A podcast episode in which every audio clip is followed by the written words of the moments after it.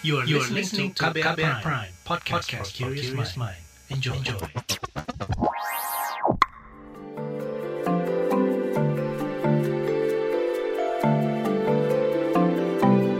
Saga, cerita tentang nama, peristiwa, dan fakta.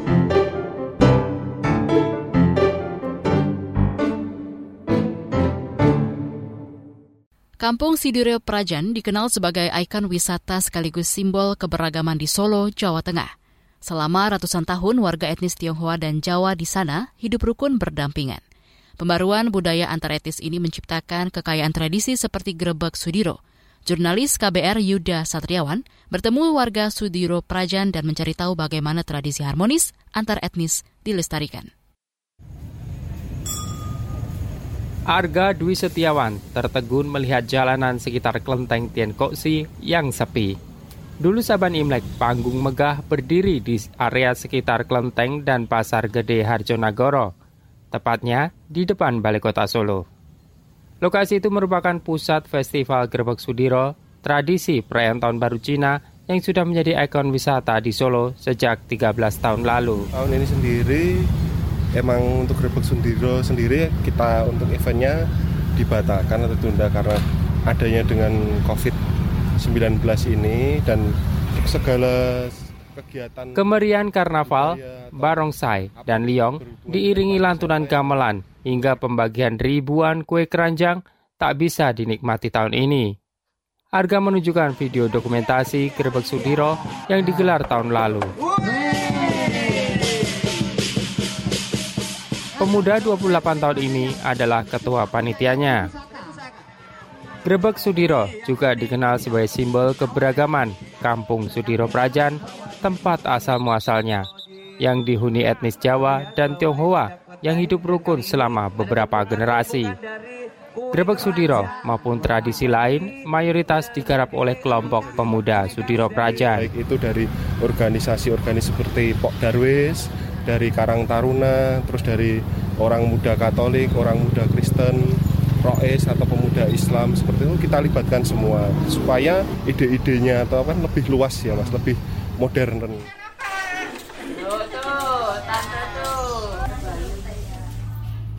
Kerukunan dan akulturasi budaya tampak dalam keseharian. Pernikahan antar etnis bukanlah hal aneh di Sudiro Prajan. Monica Silvianingrum adalah salah satu anak hasil perkawinan campuran atau yang dikenal dengan sebutan ampiang.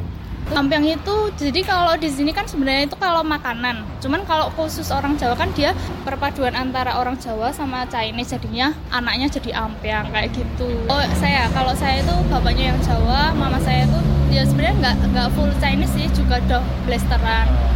Cuman kalau saya lebih ke Chinese-nya. Guyupnya warga terlihat saat pandemi COVID-19, kata tokoh Tionghoa Sudiro Prajan, Doni Mahesa Wijaya. Yang kemarin kan sempat agak banyak yang positif COVID itu. Istilahnya programnya Joko Tonggo itu loh.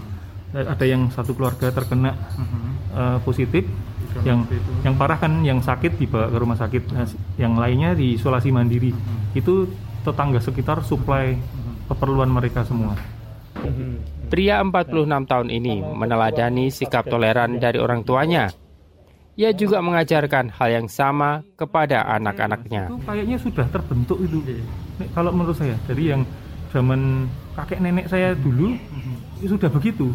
Dulu nenek saya terutama ya, yang dari ayah saya tuh suka bongso pewayangan.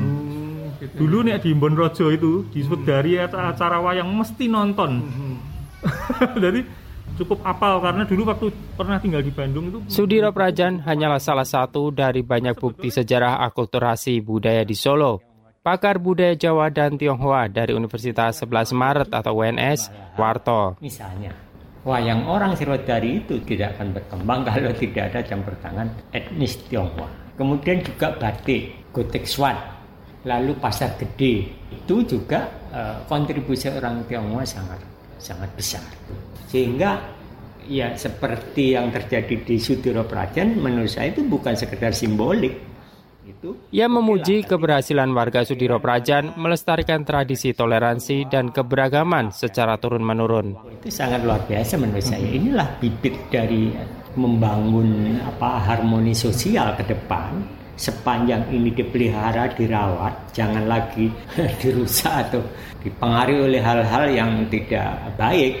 Saya kira sangat optimis ya bahwa generasi muda justru ini menjadi kunci penting di dalam membangun masyarakat yang toleran, yang itu menghargai perbedaan. Arga, tokoh pemuda Sudiro Prajan siap menerima tongkat estafet kebinekaan dari para pendahulunya. Ia mengajak generasi muda di daerah lain berani mengambil tanggung jawab serupa. Muda jangan takut terutama untuk mengembangkan sebuah kebudayaan atau untuk akulturasi budaya yang emang bangsa Indonesia ini kan banyak yang beraneka ragam dari Sabang sampai Merauke macam-macam. Jangan takut lah, pokoknya muncul terus terutama untuk sesuatu yang Demikian saga serial Indonesia Baik dari Solo.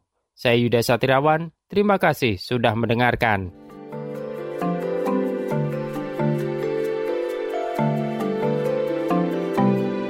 Saga cerita tentang nama, peristiwa, dan fakta.